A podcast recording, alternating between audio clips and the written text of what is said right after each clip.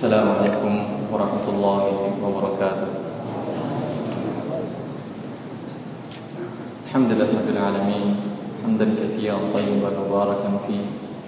كما يحب ربنا ويرضى. نصلي ونسلم ونبارك على محمد بن عبد الله وعلى آله وصحبه ومن والاه وبعد. إخواني وأخواتي rahimani wa iyyakum. Rahimani Allah wa iyyakum. Kaum muslimin kaum muslimat yang dimuliakan oleh Allah Subhanahu wa taala. Pada kesempatan ini insyaallah akan kita bahas tentang kehidupan kita yaitu mencari rezeki yang halal.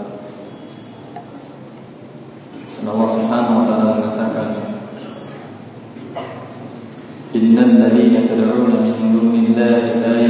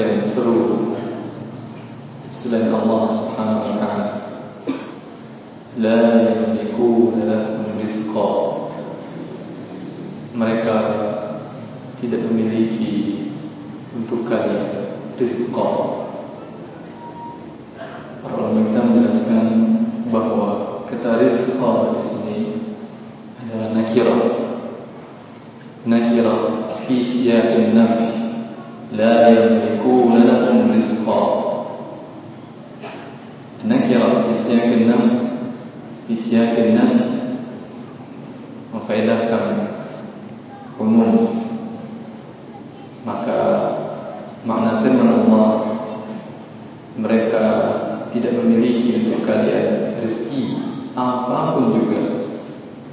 Dari yang sekecil-kecilnya karena umum amma syai'an fasaidan artinya seluruh yang termasuk dalam rezeki dari yang sekecil-kecilnya sampai yang sebesar-besarnya rezeki yang untuk kalian tersebut tidak dimiliki oleh orang-orang yang kalian sembah selain Allah Subhanahu wa taala.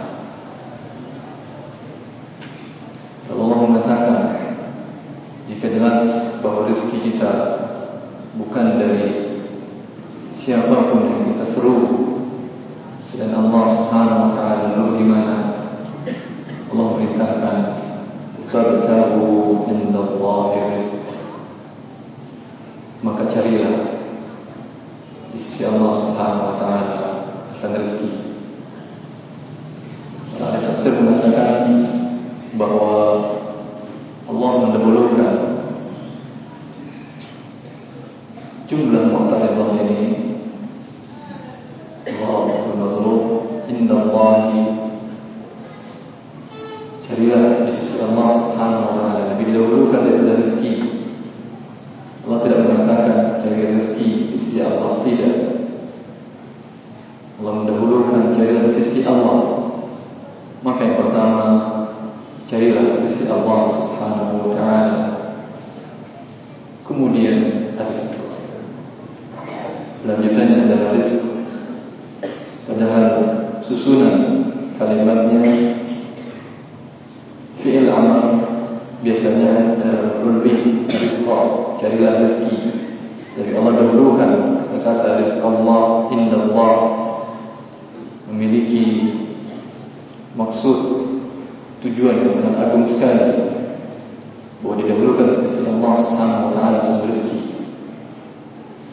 carilah apa yang dijelaskan oleh Allah subhanahu wa ta'ala cari sisi Allah subhanahu wa ta'ala apa yang dikendaki oleh Allah Subhanahu Wa Taala dalam rezeki, apa yang diridai oleh Allah Subhanahu Wa Taala dalam rezeki tersebut. Maka jangan cari rezeki terlebih dahulu, kemudian mencari sisi Allah Subhanahu Wa Taala. Kita tetapi carilah sisi Allah Subhanahu Wa Taala, baru kemudian rezeki, kemudian kita rezeki. Makna ini sangat agung sekali bahwasanya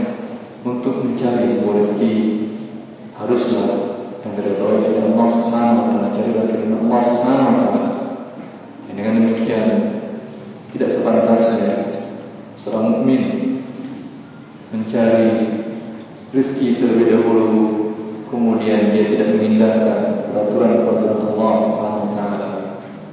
Kaidah-kaidah Allah Subhanahu wa taala jelas Rasulullah sallallahu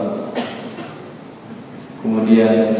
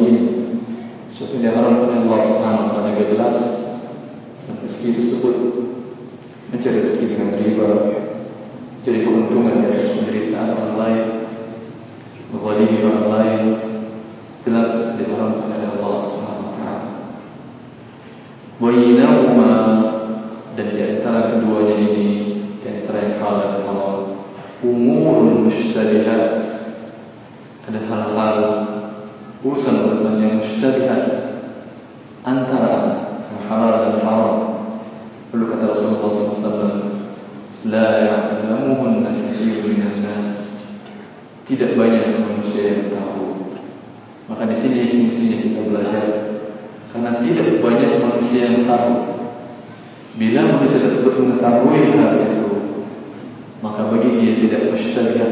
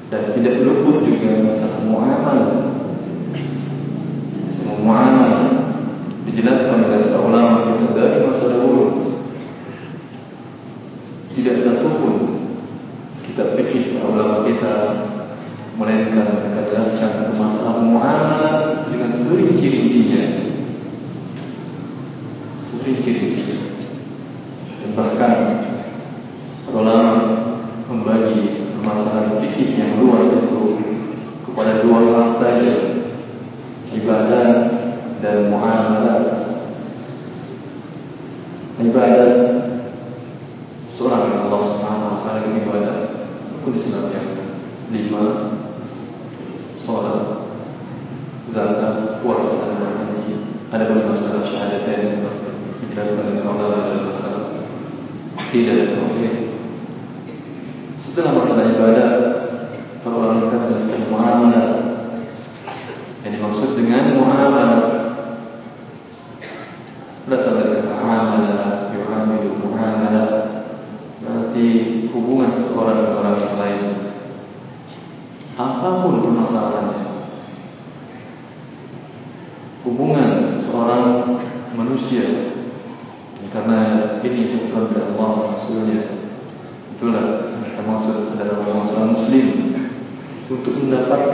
Tuhan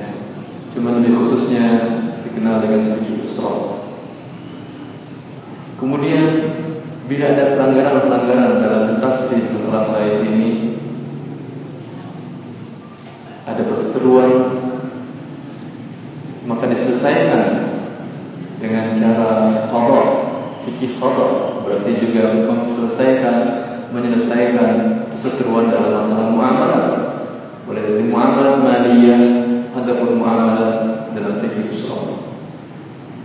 Dan bila ada Yang melanggar Ketentuan-ketentuan Allah subhanahu wa ta'ala Dalam hal muamalah ini Maka ada kudut di sana. Orang yang mencuri harta orang lain. Allah suruh perintahkan untuk memotong tangannya. Kenapa dipotong tangannya? Karena dia mengambil harta orang lain berinteraksi dengan cara tidak benar.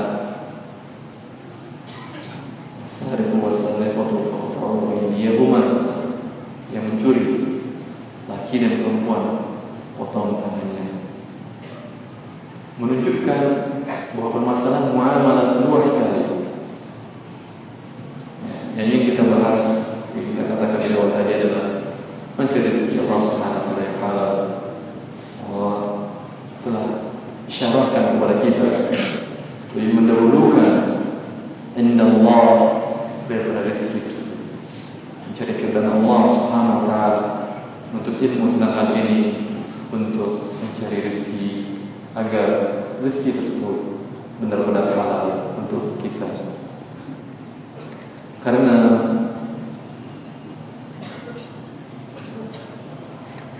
bila kita lebih mendahulu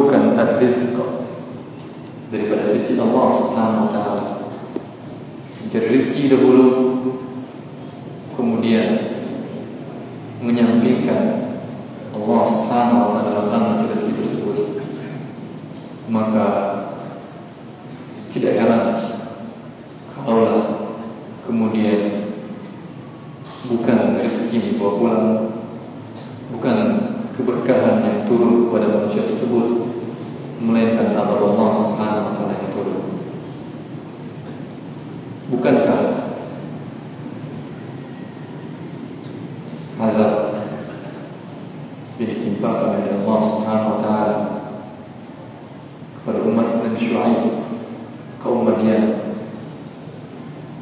Setelah mereka mengikari ibadah kepada Allah Subhanahu Wataala, juga sifat mereka terkenal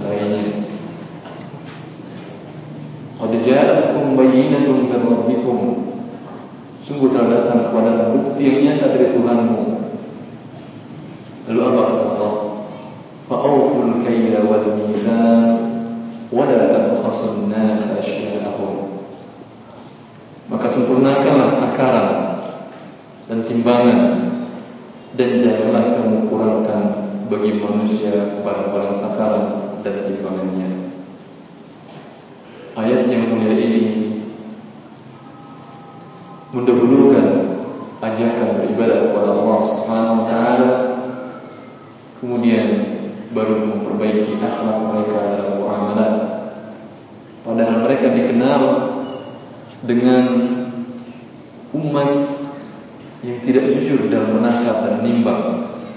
Tapi tidak itu dahulu yang pertama diperbaiki oleh Syuaib pertama Syuaib mengajak kaum Fa'budullah ma lakum min ilahin ghairuh beribadah kepada Allah. Ini menunjukkan bahawa dalam Islam muamalat tetap dihubungkan dengan akidah.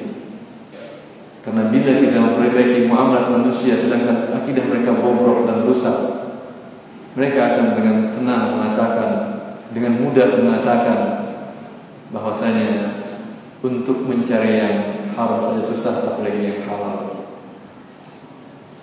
Karena akidahnya tidak kuat karena mereka mencari mencari dahulu belum disebutkan sisi Allah Subhanahu Wa Taala maka perbaikan ekonomi sebuah negara tidak bisa dengan perbaiki ekonomi itu saja dalam Islam memperbaiki akidah mereka. Rabbudullaha ma lakum min ilahin ghairu karena jika akidah mereka telah baik tauhid mereka telah sempurna sangat mudah untuk mengajak mereka untuk meninggalkan muamalat-muamalat yang diharamkan ini. Karena mereka yakin bahawa ini perintah Allah yang mengharamkannya.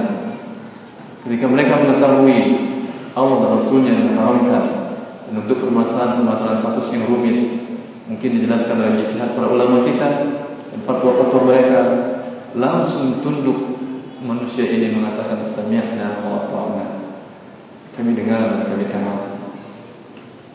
Tidak panjang cara berfikir dia, langsung ditinggalkannya. Ketika Abu Talha Berwet yang lain, sahabat yang lain. Seorang laki-laki datang kepada Rasulullah SAW Menghadiahkan arak kepada Rasulullah SAW dan Rasulullah mengatakan Belum tahu engkau bahawa Arab telah diharapkan Dia mengatakan tidak ya Rasulullah. Lalu Dia membisikkan kepada temannya Yang datang bersamanya Sesuatu. Rasulullah SAW menanyakan Apa yang kau bisikkan kepada teman Maka sahabatnya menjawab Aku memerintahkannya untuk menjualnya Rasulullah. Lalu kata Rasulullah wasallam Sungguhnya Allah telah mengharamkan khamar dan Allah juga telah mengharamkan menjualnya. Padahal ini khamar sesuatu yang bernilai di waktu itu, sesuatu yang cintai jiwa mereka. Serta merta ketika mendengar Allah Rasulullah mengatakan Allah telah mengharamkan khamar dan telah mengharamkan menjualnya, tidak pikir panjang, tidak ribut dengan setiap surat begini begini tidak. Langsung sahabat ini menumpahkan khamar di jalanan. Maka memperbaiki muamalat manusia tidak bisa akan menjadi sempurna tidak diiringi dengan perbaikan masalah akidah, masalah tauhid mereka. Karena bila ini tidak sejalan dan seiring dan dicontohkan Nabi Syuaib dan dakwahnya akan terjadi dan akan muncul orang-orang yang berkedok din Islam, berkedok syariat sehingga hanya memutar-mutar jalan kemudian seolah-olah menjadi halal. Mencari hilah mencari celah-celah. Padahal statusnya masih diharamkan oleh Allah Subhanahu taala. Tetapi seorang benar-benar akidahnya baik kuat betul-betul berubudiyah mengetahui mengembalikan semua ibadahnya kepada Allah Subhanahu wa taala. Dan patuh dengan perintah Allah Subhanahu wa taala. Ketika dia tahu bahwa Allah dan Rasulnya mengharapkan sesuatu tidak ada yang bisa dilakukan kecuali taatan kepada Allah dan Rasulnya. Sekalipun harta tersebut merupakan sesuatu yang sangat dicintainya sebagaimana yang dilakukan sahabat ini. Rasul maka Syai'ib mengatakan beribadah kepada Allah kemudian setelah itu fa'awful kayla wal mizan. Penuhilah takaran dan timbangan. Dan jangan kurangi hak-hak manusia. Dan manakala mereka tidak beribadah kepada Allah Subhanahu wa taala ini tentulah mereka juga tidak mampu untuk melakukan muamalah untuk memenuhi takaran timbangan-timbangan pada saat melakukan transaksi sebuah perniagaan sebuah jual beli. juga lihat dalam surat Al-Mutaffifin bagaimana Allah Subhanahu wa taala menggabungkan antara bermuamalah dengan akidah yang benar dan akidah yang kuat yang sahih Allah mengatakan wailul lil mutaffifin alladhina idza يستوفون. وإذا كالوهم أو وزنوهم يخسرون. ألا يظن أولئك أنهم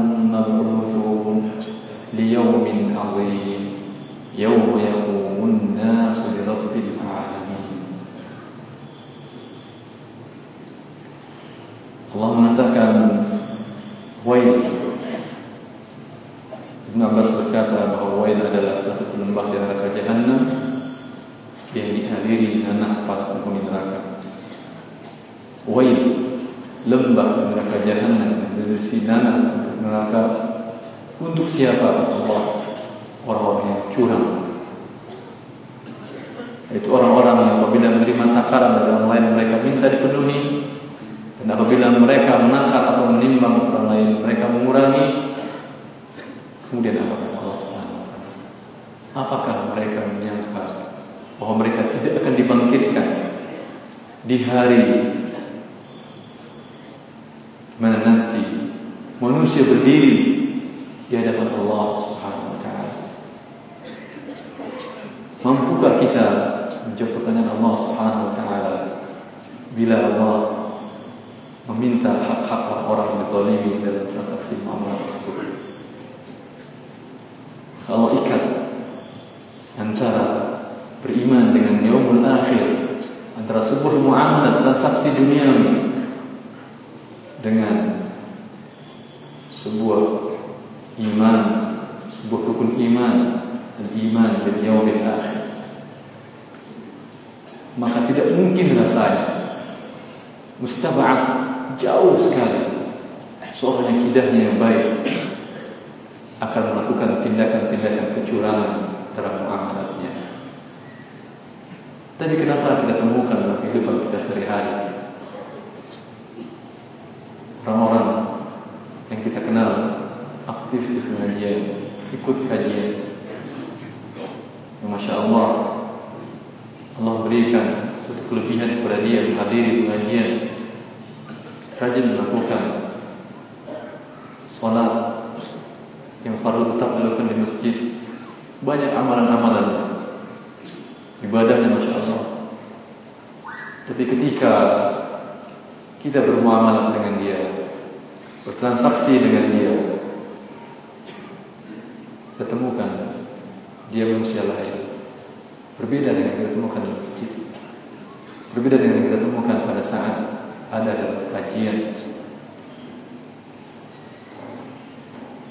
mana kesempurnaan akidah saudara kita ini dalam masalah harta dia manusia lain dalam masalah ibadah dia akan dekat kepada Allah Subhanahu Wa Taala. Padahal Allah mengikat antara muamalah yang baik dengan akidah yang benar.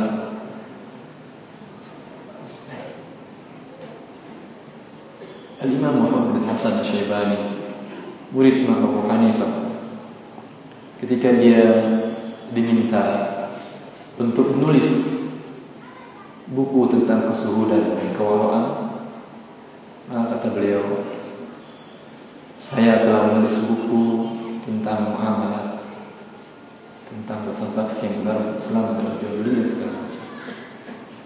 Imam ini ingin menjelaskan kepada penanya kepada kita seluruhnya bahwasanya kezuhudan seseorang, ketakwaan seseorang akan diuji dan dilihat kesempurnaannya manakala dia berhubungan dengan harta. Saat itu, saat dia berhubungan dengan harta, bisa dia taat kepada Allah Subhanahu Wa Taala pada saat itu betul-betul zuhud, betul-betul menjaga hak-hak saudaranya. Yakinlah kita bahawa dia betul-betul seorang yang zuhud. Maka tidak heran bila Al-Imam Abu Hanifah sendiri dikatakan oleh Ustaz Al-Khalimi dalam bukunya Bariqah Al-Mahmudiyah beliau selama dalam Al Hanafi beliau mengatakan meriwayatkan bahawa Abu Hanifah Abu Hanifah terkenal sebagai seorang ulama besar dan seorang saudagar suatu ketika beliau mengirim 70 helai kain dari Irak untuk dijual di Mesir melalui sahabatnya bernama Al-Bishir. Kemudian dia menjelaskan kepada Al-Bishir agar meminta kepada Al-Bishir untuk menjualkan 70 helai kain ini. Satu helai di antara 70 ini ada yang cacat. Dan beliau tandakan. Dan beliau minta wakil ini untuk memberitahukan kepada pembeli calon pembeli bahawa ini cacat. Sehingga nanti harganya mudah turun sesuai dengan kesepakatan. Saling redor dengan kedua kemudian setelah selesai menjualkan baju kain milik Abu Hanifah ini Al-Bishir kembali ke Irak dan menyerahkan kepada Abu Hanifah sebanyak 3000 keping uang dinar 3000 keping uang dinar terbaik kita banyaknya itu. Satu dinar sama dengan 4,25 gram. 3000 keping tidak kurang dari 12 kilogram emas lebih hasil perniagaan. Tetapi Imam ini seorang yang zahid zuhud sehingga dia mengecek, memeriksa dan menanyakan kepada Al-Bishir tadi tentang satu helai kain tersebut yang dikatakan dia ditandai buat cacat. Dia menanyakan kepada Syekh, apakah engkau jelaskan satu cacat pada kain tersebut, satu helai kain yang cacat tersebut kepada pembeli? Al-Bishir lupa sehingga mengatakan tidak.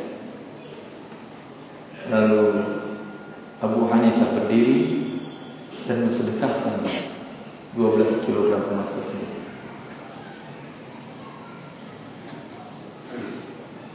Ini kesuhudan betul-betul kesuhudan. Maka di depannya 12 kg emas. Tapi dia khawatir ada satu hal yang menyebabkan. Ada satu hal, kalau kita berpikir mungkin bisa diberikan satu helai harga saja, cukup sebetulnya untuk terhalus dari yang haram tersebut. Tetapi kesuhudan beliau bertindak lain dan melakukan seperti yang dilakukan oleh beliau. Maka mana kita, kalau sekalian, dalam berniaga, dalam berjual beli, terkadang sengaja menyembunyikan cacat, Terkadang sengaja memasukkan hal yang cacat dalam perniagaan-perniagaan kita. Padahal posisi yang sangat mulia menanti orang-orang yang jujur, menanti para pedagang yang jujur, yang as-saduq al-amin, posisi zada bersama nabiyyin was-siddiqin wasyuhada Rasulullah SAW bersabda At-tajir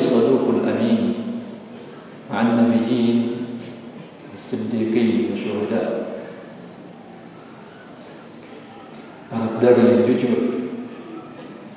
Lagi dapat dipercaya akan bersama para nabi para siddiqin dan orang-orang yang mutasyahid. Hadis ini diriwayatkan oleh Tirmidzi. Dia berkata dari hadis ini hasan. Maka orang-orang yang tidak jujur dalam perniagaannya Dia menghilangkan kesempatan untuk meraih surga Allah Subhanahu wa taala perniagaan. Dia bisa dengan meraih keuntungan dunia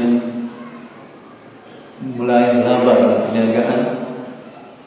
Di waktu yang sama dia bisa meraih posisi yang mulia ini. Hanya dengan cara sidq wal aman jujur dan aman dia memang kelihatannya disibukkan oleh dunia dalam transaksi-transaksi perniagaannya tetapi bila dia jujur dan menjelaskan cacat dan kekurangan barang yang dimilikinya, maka perbuatan tersebut mendapatkan keberkahan. Al-barakah banyak kebajikan, kebaikan yang turun. Diriwayatkan dari hadis yang sahih di Bukhari dan Muslim Rasulullah mengatakan fa in sadaqa wa bayyana burika lahumā fi bay'ihimā wa in kadhaba wa katama muhiqat barakatu bay'ihimā jika penjual dan pembeli jujur dan menjelaskan cacat barang yang dijual. Niscaya akan bermeri mereka diberkahi oleh Allah. Turun keberkahan. Banyak yang mendapatkan kebaikan si penjual dan pembeli. Tetapi jika keduanya berdusta serta menyembunyikan cacat barang niscaya dihapus keberkahan dari akad jual beli yang dia lakukan.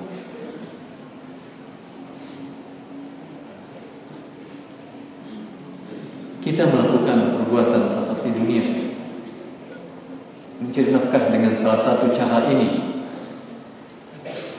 Atau ingin mendapatkan harta dengan cara membeli barang tersebut. Tetapi satu sisi kasratul khair keberkahan Allah Subhanahu wa taala turun jika kita adalah orang yang jujur dan amanah Kemudian orang-orang yang tidak jujur dan tidak amanah ini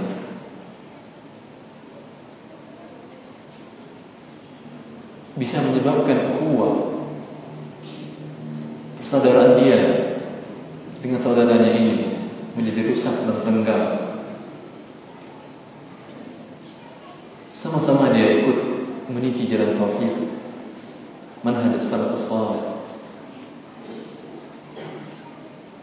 Tetapi karena permasalahan dunia, ketidakjujuran salah satu keduanya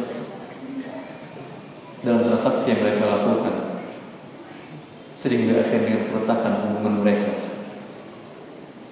Ini yang diingatkan Rasulullah SAW. Al-Muslim akhul Muslim. Seorang Muslim adalah saudara dari Muslim lain. Setelah Rasulullah mengingatkan masalah ukhuwah ini, saudaraan ini, kata Rasulullah, bila anda tahu bahawa anda adalah saudara, wala yahillu li muslimin ba' min akhihi bay'an fihi 'aibun illa bayyanahu lahu maka tidak halal seorang muslim tadi yang bersaudara menjual untuk saudaranya sendiri. Suatu barang yang terdapat cacat pada barang tersebut melainkan dia haruslah wajib untuk menjelaskan kepada saudara. Karena ini adalah tuntutan muktabal daripada ukhuwah. Tuntutan daripada ukhuwah tersebut ukhuwah Islam tersebut adalah jujur anda manakala bertransaksi dengan saudara anda? Maka saat bertentangan seorang muslim yang baik yang sengaja menyembunyikan cacat dan terkadang bukan menyembunyikan sengaja memasukkan cacat.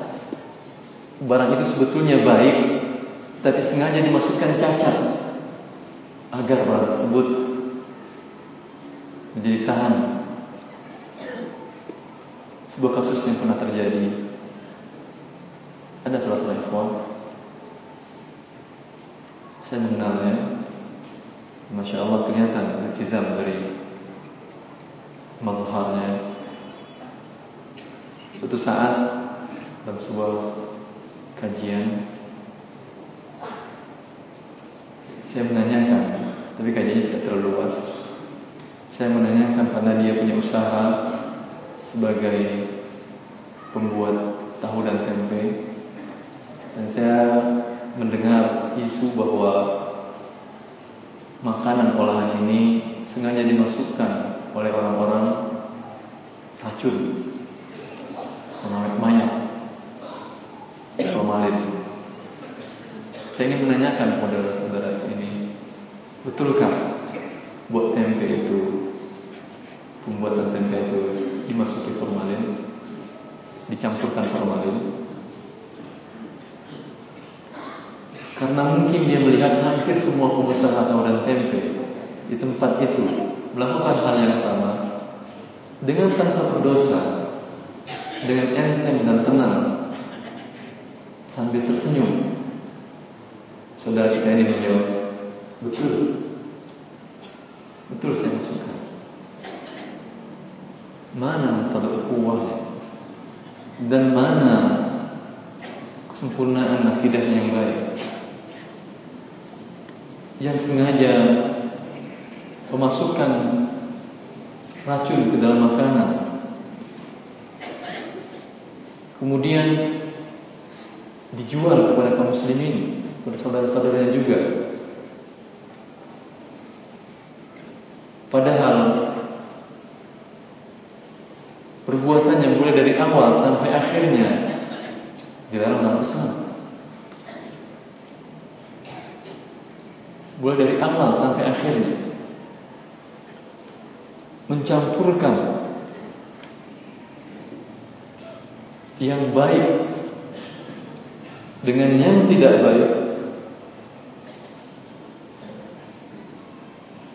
dilarang. Bukankah makanan ini sebelumnya adalah makanan yang baik? Berasal dari kacang kedelai, baik sekali dan bermanfaat untuk tubuh.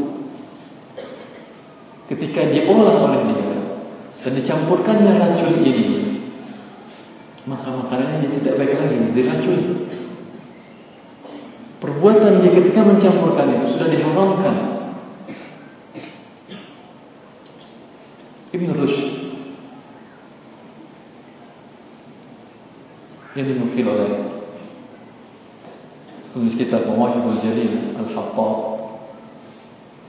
Menukil kepada Ibn Rushd. Bahwa Ibn Rushd pernah mengatakan Ibn Rushd al-Hafid la Rasul al-Mata Maliki.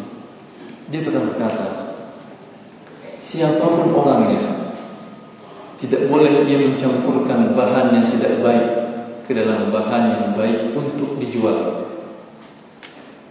sekalipun dia memberitahukan kepada pembeli bahawa barang yang dijualnya telah dicampur dengan bahan yang tidak baik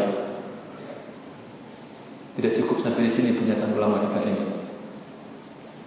Dia mengatakan dan seharusnya pihak yang berwenang mencegah tindakan tersebut itu di masa beliau belum ada formalin. Enggak tahu kita bagaimana kalau beliau mengetahui di masanya ada formalin formalin mayat yang beracun untuk tubuh manusia. Itu dia hanya mengatakan yang baik dengan tidak baik. Bukan mengumpulkan makanan yang baik dengan racun. Dia mengatakan dan seharusnya yang berwenang mencegah tindakan tersebut serta menjatuhi pelakunya hukuman cambuk karena perbuatan ini merusak racun merusak umat padahal saudaranya sendiri dirusak kalaulah saja diberikan gratis cuma-cuma kepada saudaranya dan diberitahukannya bahwa ini mengandung formalin tidak halal bagi saudaranya mengambilnya kena racun. Kita dilarang untuk merusak diri kita. Sekarang, air ini, cacat ini disembunyikannya. Kemudian dijual kepada saudaranya racun ini untuk dimakan. Kemudian dia dapat uang lagi. Bayangkan perbuatan. Dari awal, model tindakan mencampur sudah dihalalkan. Kemudian kalau saja dikasih gratis sudah diharap untuk diterima hadiah racun ini. Kemudian ini bukan gratis lagi, dia mendapat imbalan uang. Sungguhnya dia mengambil uang tersebut dengan cara yang batil. Karena tidak ada imbalan dari dia yang diberikan kepada saudaranya ini. Saudaranya memberikan uang, berguna uang banyak gunanya. Tapi dia memberikan racun untuk dimakan saudaranya. Bayangkan perbuatan ini keras sekali. Padahal ikhwah ini termasuknya saya lihat rajin ikut kajian. Mungkin dia karena mengikut melihat orang di sekitar dan di sekelilingnya melakukan hal yang sama. Sehingga tidak bisa lagi dia membedakan mana yang hak dan mana yang batil. Mana yang benar dan mana yang salah. Dan juga ada imam pernah ditanya tentang kasus yang hampir sama dengan hal ini Yaitu kasus beberapa orang petani Yang menanyakan langsung tentang pemberian hormon Untuk jenis beberapa buah-buahan Hormon tersebut diberikan kepada tanaman tersebut Sehingga hasil dari buah-buahannya menjadi besar Warnanya lebih bagus.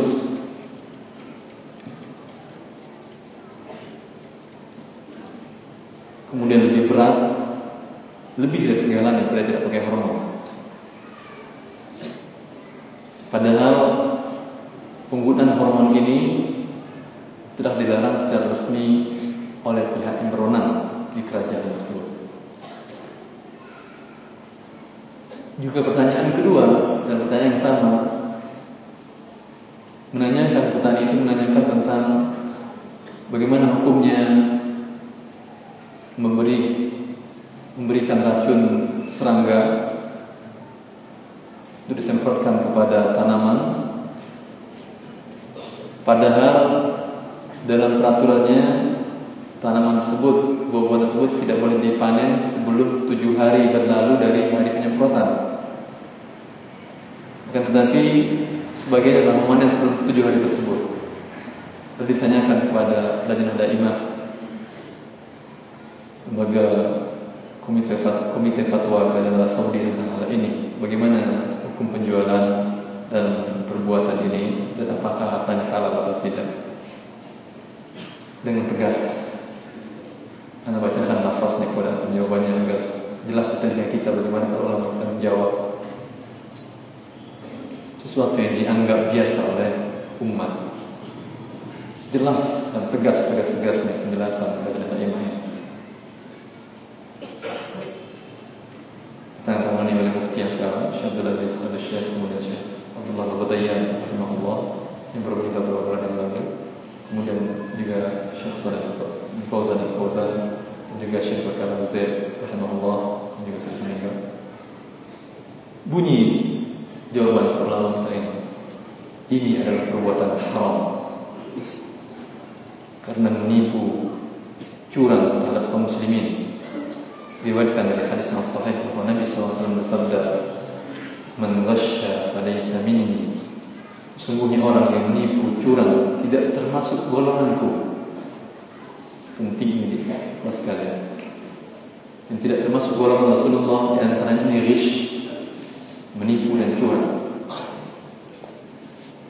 kemudian lanjut fatwa tersebut, lanjutan fatwa tersebut. Perbuatan tersebut membahayakan kesehatan seluruh umat dan barang siapa yang melakukan demikian, niscaya Allah akan membuat pelakunya dalam bahaya juga. Ada jazat min jinsil amal. Bila anda meracuni kaum muslimin dengan cara tersebut, membahayakan kaum muslimin dengan cara perlakuan tersebut, maka bersiap-siaplah untuk menerima balasan yang sama dari Allah Subhanahu wa taala. Pelakunya berdosa. Uang hasil usahanya haram dan dia pantas dijatuh hukuman karena dia telah melakukan kecurangan dan berbuat dosa. Siapa saja yang mengetahui proses produksi dengan cara tersebut, maka dia tidak boleh memasarkan. Lihat, Memasarkan juga tidak boleh. Mungkin kita mengatakan Kan saya Dia tahu bahwa, bahwa ada Dimasukkan hal yang beracun di situ. Tahu sekali. Dia mungkin Saya kan sekedar memasarkan. Bukan saya melakukan. Tidak memasarkan juga tidak boleh. Bukan itu saja Menawarkan juga tidak. Dan menjualnya Karena termasuk dalam tolong-menolong Dalam kemaksiatan dan pelanggaran. Allah berfirman wala ta'awanu 'alal itsmi wal 'udwan wattaqullaha innallaha syadidul 'iqab. Dan jangan tolong-menolong dalam berbuat dosa dan pelanggaran dan bertakwalah kamu kepada Allah. Sesungguhnya Allah amat berat siksanya.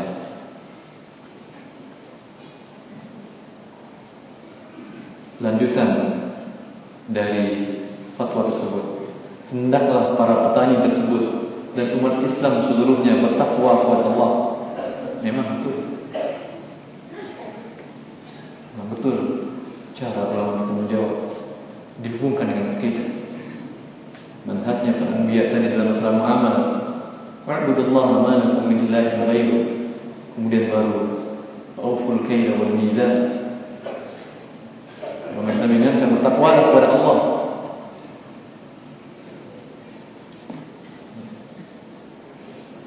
Kemudian dijelaskan kembali Tolong menolong dalam kebaikan dan ketakwaan Dan tolong menolong dalam kebaikan dan ketakwaan Hindarilah hal-hal yang menimbulkan dosa dan pelanggaran. Mencari usaha halal dan rezeki yang baik. Hendaklah mencari rezeki usaha yang halal dan rezeki yang baik. Jangan terpedaya dengan gemerlap dunia. Mengumpulkan harta sekalipun dari jalan yang tidak dibenarkan. Sungguh Lihat. Kata para ulama kita. Sungguh sedikit harta halal lebih baik dari harta haram. Sekalipun banyak. Jangan takut masa rezeki anda. Anda tinggal mencari sisi Allah Subhanahu Wa Taala rezeki anda akan akan datang. Pasti Allah akan berikan. Hanya saja, apakah anda ingin mendapatkan rezeki dan keberkahan tersebut dengan dosa? Jangan sampai itu terjadi. Sungguh sedikit harta yang halal lebih baik dari harta haram sekalipun banyak. Dan menjadi kewajiban bagi setiap umat Islam yang mengetahui perbuatan tersebut.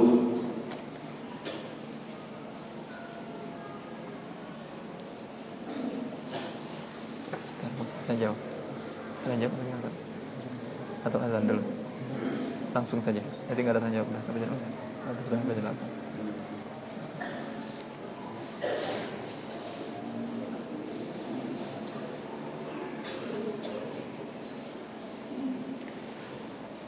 dan menjadi kewajiban bagi setiap Islam yang mengetahui perbuatan tersebut memberitahukan pihak berwenang.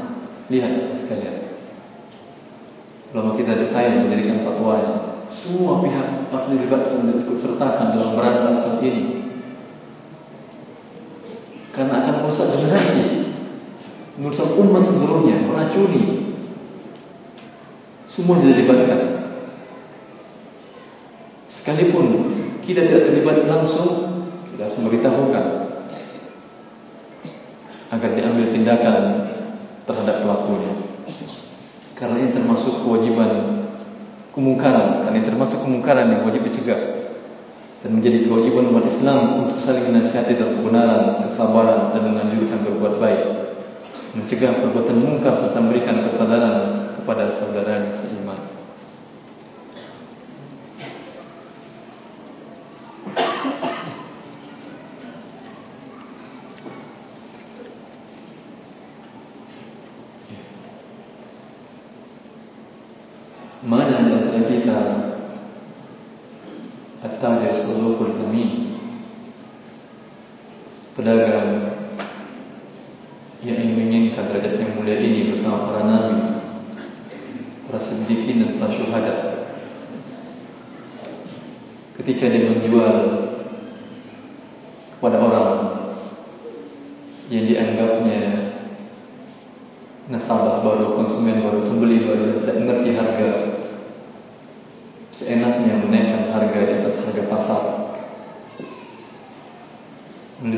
pasar. Dan ketika pembeli ini pulang, dan terkadang berasal dari daerah yang jauh, jauh dia datang membeli dan bawa ke rumahnya sampai di rumahnya memberitahukan kepada keluarga atau tetangganya. Tahu sadarlah dia bahwa dia telah tertipu.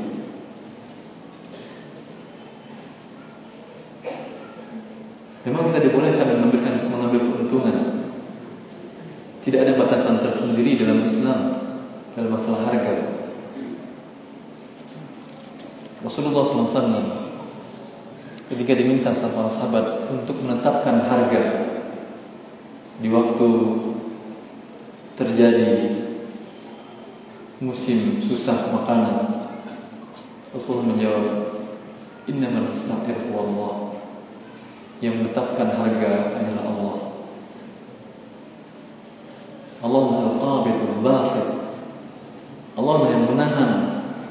dan menghamparkan rezeki. Allah mengurangi dan menambahkan rezeki dan berikan rezeki Allah. Maka Rasulullah SAW tidak mau untuk menetapkan harga. Karena memang haknya para pedagang untuk mendapatkan laba manakala jumlah barang sedikit dan permintaan jadi banyak. Dengan demikian harga menjadi naik haknya dia memang. Pada saat itu dia mendapatkan laba. Lah. Tapi tidak sengaja dibuat-buat. Tidak sengaja disimpan, ihtikat, ditimbun sehingga dia menguasai harga seenaknya menyebabkan kezaliman kepada orang banyak.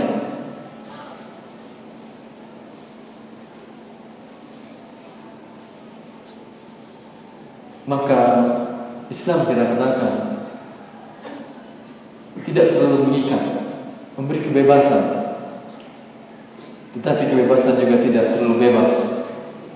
Diberikan kaedah-kaedah umum Agar Mu'amman tadi Betul-betul membawa keberkahan Bagi si pelakunya Dan bagi manusia seluruhnya. Islam membolehkan mengambil, mengambil keuntungan dalam sebuah perniagaan. 100% dari harga produksi atau biaya barang. Tetapi suatu barang yang telah memiliki harga pasar. Harga pasar tidak secara satu bisa tinggi rendah tapi ada adatnya tapi ketika penjual ini menjual kepada orang yang tidak tahu, yang tidak pernah dikenalnya dan dinaikkan harga lebih dari harga pasar, ya. pada saat itu dia telah mencurangi saudaranya. Dia telah mencurangi saudaranya dalam masalah harga. Terkadang saudara dicurangi ini karena hukum Allah Subhanahu wa taala dalam masalah muamalah. Dia sudah merasa, ya sudah apa boleh buat itu sudah dicurangi, sudah ditipu. Padahal dia punya hak untuk melakukan khiyarul ghaban. Khiyar tertipu dalam masalah harga. Bila memang harga barang dijual kepadanya itu melebihi harga pasar dan jauh melebihi harga pasar. Dia punya hak untuk mendatangi saudaranya ini dan mengatakan kepada dia, sungguh aku mempunyai hak untuk mendapatkan khiyar wa ghabar. Khiyar itu artinya untuk melanjutkan transaksi jual beli tersebut atau untuk membatalkannya. Karena memang sebuah transaksi muamalah jual beli bila cukup rukun dan persyaratannya dia menjadi lazim. Menjadi lazim. Jadi itu artinya tidak bisa cabut kembali akad tersebut. Maka bila orang kita belanja di sebagian toko yang ada struknya terus di bawah barang yang telah dibeli tidak dapat dikembalikan. Ini ada dua tinjauan. Kalau maksudnya tidak bermasalah, tidak ada cacat dan harganya pantas, tidak pun dituliskan ini memang hukum asalnya. Jual beli setelah berpisah dari majlis akad, maka dia menjadi lazim, tidak bisa yang mau dikembalikan. Tapi kalau maksudnya bahawa barang yang dibeli tidak bisa dikembalikan walaupun pada saat transaksi ada kecurangan-kecurangan tidak benar pernyataan itu. Dan tidak pasti kita harus mengikutinya. Karena umpamanya saudara kita yang tidak mengerti tentang hak-hak dia. Dalam masalah muamalah ini ya sudah kan di sini tidak bisa dikembalikan barangnya. Padahal barangnya cacat umpamanya. Atau harganya yang cacat ada penipuan dalam harga.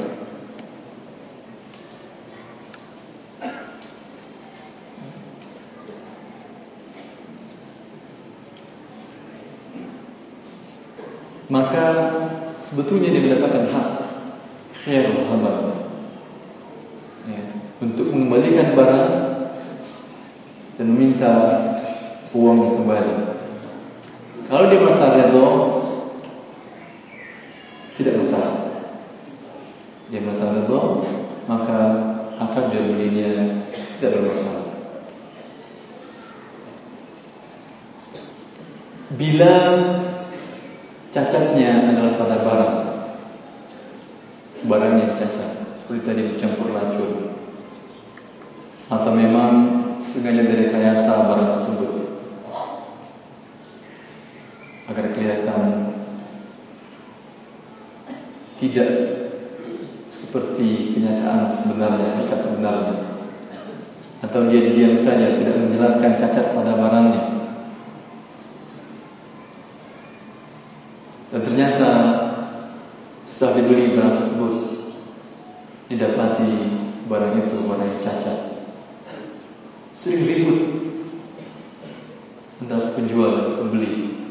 Usah berkuah karena itu ditekan Rasulullah SAW pada awalnya Al-Muslim akul Muslim Seorang Muslim saudaranya Tegaklah kita kepada saudara kita Menipunya dan curang kepadanya Maka Bila ditemukan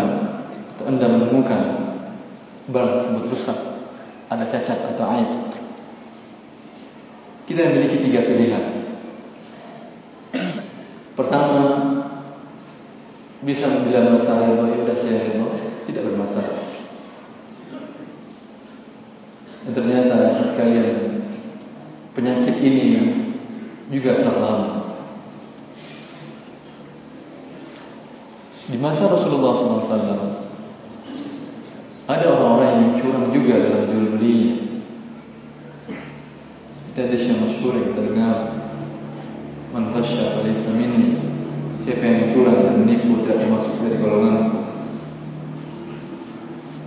Ini diucapkan Rasulullah SAW manakala beliau memeriksa pasar, kemudian memasukkan tangannya ke dalam seonggok makanan, dan ternyata bagian bawahnya basah. Rasulullah mengatakan, "Mahal ya sahibat ta'am." Apa ini wahai penjual makanan? Maka dia mengatakan, "Asabat bersama ya Rasulullah." Makanan ini kena hujan ya Rasulullah. Lalu kata Rasulullah, "Kenapa tidak engkau letakkan yang basah di atas hatta yarahun nas hingga orang-orang melihatnya?" Kemudian Rasulullah mengatakan, "Siapa yang curang dan menipu tidak termasuk dari golonganku." Berat pasti. Tidak termasuk dari golonganku.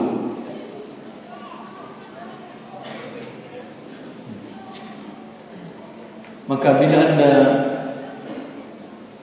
orang maka kita katakan tadi bahwasanya perbuatan hampir sama juga pernah dilakukan oleh orang dahulu. Tasriyah dinamakan yaitu unta yang sedang menyusui ingin dijual maka diikat puting susunya dan tidak diperas selama beberapa hari sehingga kelihatan besar dan banyak air susunya. Dan tentulah ketika dibeli dengan harga yang lebih daripada harga unta biasa kemudian setelah diperahnya susu unta tersebut tidak dilihatnya lagi kantung susu yang besar itu. Tahulah dia bahwa dia telah tertipu. Maka Rasulullah SAW, In radiya amsakaha.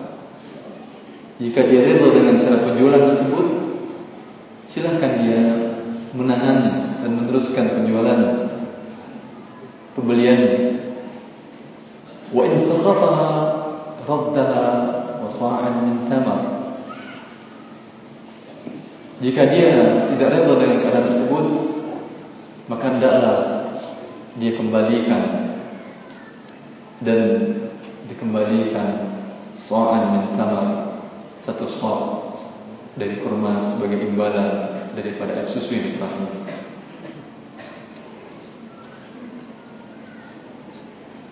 Wah, ikhwati wa akhwati fillah Penyakit ini kita katakan bukan penyakit baru. Ada saja orang-orang yang melakukan hal ini. Yang ghish, yang menipu. Karena dalam iklan, iklan dibuat kata-kata tidak mungkin rasanya. Menjerumuskan orang-orang apapun sakitnya obatnya ini atau bagaimanapun keadaannya minum ini makan ini anda sembuh. Menjerumuskan darah ada saja orang seperti itu. Padahal iklan memang dibenarkan dalam Islam dan ini dahulu tugas samsal tugas simsar atau dalal mereka berada di pasar-pasar kemudian meneriakkan tentang barang yang akan dijualkannya itu. Dia menyiapkan barang-barang tersebut menyebutkan menjelaskan sifat-sifat barang tersebut kelebihan-kelebihannya sehingga orang tertarik. Fungsi mereka sangat dibutuhkan karena kemungkinan ada orang tidak mengetahui informasi tentang tersebut dengan adanya dalal atau samsara ini orang-orang menyiapkan tentang sifat barang tersebut akan menjadi tahu tetapi manakala mereka tidak jujur, curang, dan terkadang disertai, disertai dengan maksiat dan iklan-iklan tersebut. Terkadang merendahkan produk yang lain, maka sungguh ini perbuatan kezaliman kepada orang-orang yang lain. Dan memang muslimin kaum muslimin dimuliakan Allah Subhanahu wa taala. Himbauan saja agar pasar-pasar kaum muslimin bebas dari tindakan-tindakan kecurangan ini tidak cukup. Dibutuhkan memang ketegasan dari para orang-orang yang diberikan wewenang untuk mengatur kaum muslimin. Rasulullah SAW sendiri turunkan ke pasar Madinah dan masuk pasar dan memeriksa barang yang dijual oleh makanan yang dijual oleh sahabatnya tadi. Dan ketika mengakui ada kecurangan, maka beliau memperingatkannya.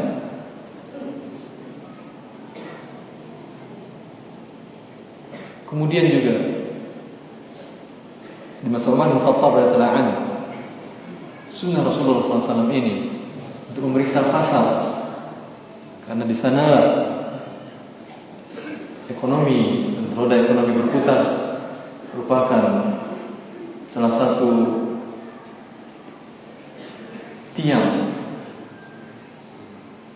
kebajikan kaum muslimin. Diperiksa dengan baik oleh Umar. Pernah Umar memeriksa pasar kota Madinah dan dia mendapatkan seseorang yang mencampurkan susu, air ke dalam susu. Gish curang dalam penjualan maka Umar menumpahkan air dan susu tersebut suatu ketika Umar menemukan seorang yang curang dengan mengambil stempel Baitul Mal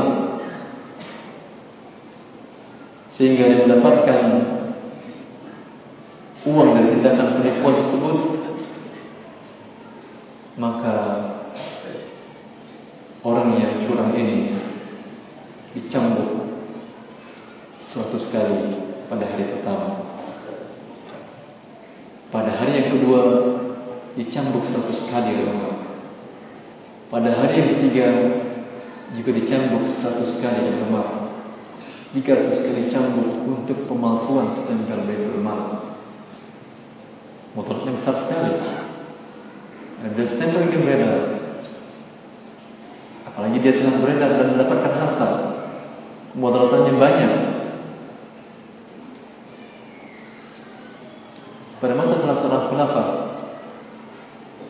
Bani Umayyah pernah pegawai yang diamanahi untuk mencetak uang dinar, uang emas. Dahulu itu ditimbang beratnya dengan biji gandum. Sekian sekian biji gandum untuk ukuran berat dinar sebagai standar. Ternyata pernah terjadi sekali percetakan mencetak salah kurang satu biji gandum berat dinar tersebut. Semua pegawai tersebut dicambuk ratusan kali oleh khalifah. Karena akibatnya bukan sedikit. Karena bila beredar dinar yang kurang dari standar ini akan menyebabkan muamalah manusia rusak. Orang takut menerima dinar, dikhawatirkan dinar palsu, dinar yang kurang harga beratnya. Maka orang-orang yang memalsukan uang tersebut adalah orang-orang yang sangat zalim. Menyebabkan kezaliman yang besar. Apalagi kalau uang jumlahnya banyak dan beredar. Bisa menyebabkan inflasi. Turun harga nilai mata uang juga. Lebih dari itu para penggunanya dizalimi jelas. Memang saya katakan dalam hal-hal seperti ini tidak cukup dengan himbauan. Dibutuhkan benar. Dibutuhkan pada waliun amar yang benar-benar ingin mendapatkan sebuah martabat yang mulia sebagai imam yang adil, imam yang adil, pemimpin yang adil, mendapatkan naungan di hari di mana tidak ada naungan kecuali orang bernaungan oleh Allah Subhanahu Wa Taala. Butuh ketegasan mereka untuk menerapkan hal seperti ini. Suatu ketika Ali bin Abi Thalib juga pernah masuk pasar. Lihat para pemimpin dahulu memperhatikan hal ini dengan cermat sekali. Masuk ke pasar langsung perhatikan dan menghimbau. Dan bila melihat kecurangan langsung ditindak. Diriwayatkan oleh Sa'ad dalam tabaqatnya bahwa Ali keluar dari kediamannya menuju pasar sambil membawa tongkat. Berjalan di tengah pasar, beliau menyuruhkan agar para pedagang bertakwa kepada Allah. Lihat dakwah para ulama dan para pemimpin Islam. Pertama mereka mengajak kaum muslim bertakwa kepada Allah Subhanahu wa taala. Ini dan ini manhajnya para nabi seperti yang kita jelaskan tadi. Dijelaskan oleh Allah Subhanahu wa taala kitabnya. Beliau menyuruhkan agar para pedagang bertakwa kepada Allah dan berniaga dengan cara yang baik.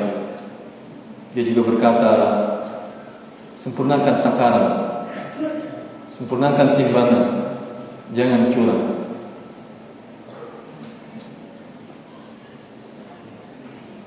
Ini saja